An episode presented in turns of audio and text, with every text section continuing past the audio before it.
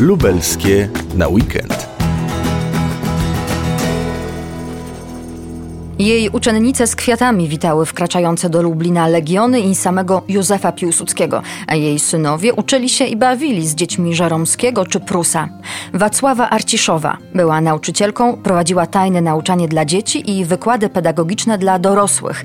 Po wielu staraniach w 1912 roku założyła prywatne żeńskie gimnazjum w Lublinie.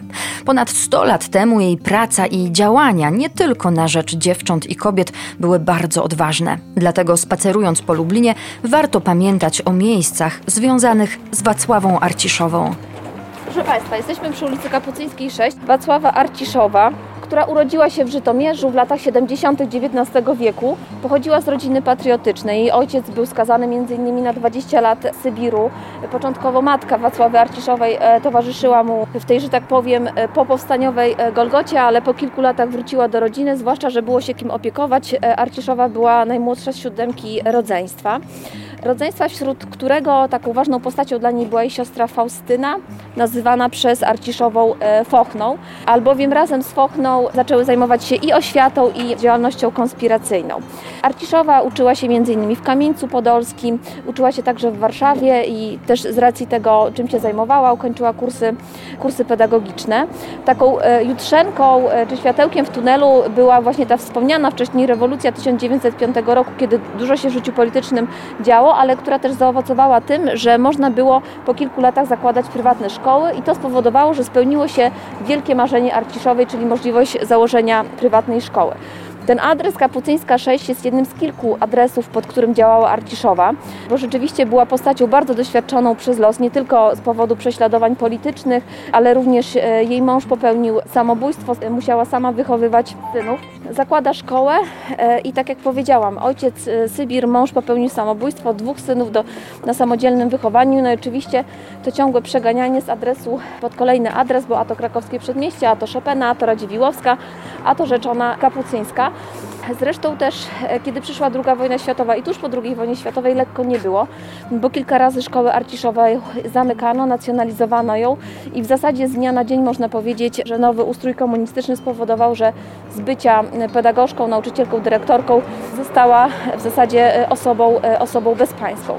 Natomiast ta jej szkoła była o tyle wyjątkowa, że oczywiście poza tym, że panował w niej wysoki poziom edukacyjny, to była też szkołą spełniającą taką swoistego rodzaju misję, to znaczy zapewniającą równy dostęp do edukacji osobom o różnym statusie ekonomicznym, a zwłaszcza tym, które pochodziły e, z ubogich rodzin. Na dowód tego wystarczy powiedzieć, że kiedy szkoła powstała miała 6 uczennic, a już w następnym roku szkolnym 200, więc e, dziewczęta lgnęły do, e, do Arciszowej.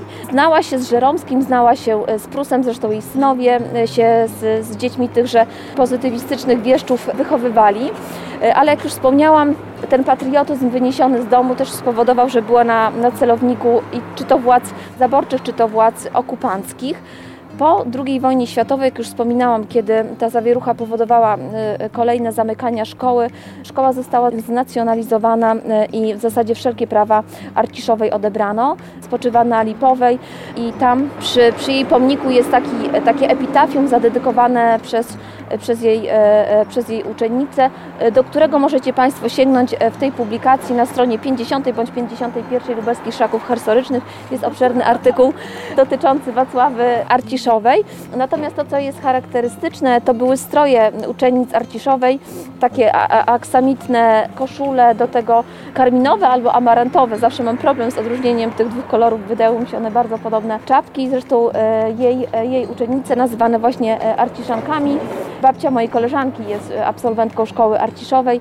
Wychodziły między innymi z kwiatami na powitanie na powitanie Piłsudskiego, który tutaj z legionami wjeżdżał do Lublina. Na spacerze śladami ważnych lublinianek, w tym Wacławy Arciszowej, podążaliśmy za Katarzyną Zabratańską, prezeską innej fundacji. Dodam, że historycznym spadkobiercą prywatnego żeńskiego gimnazjum Wacławy Arciszowej jest dziś czwarte liceum ogólnokształcące imienia Stefanii Sempołowskiej w Lublinie. Lubelskie na weekend.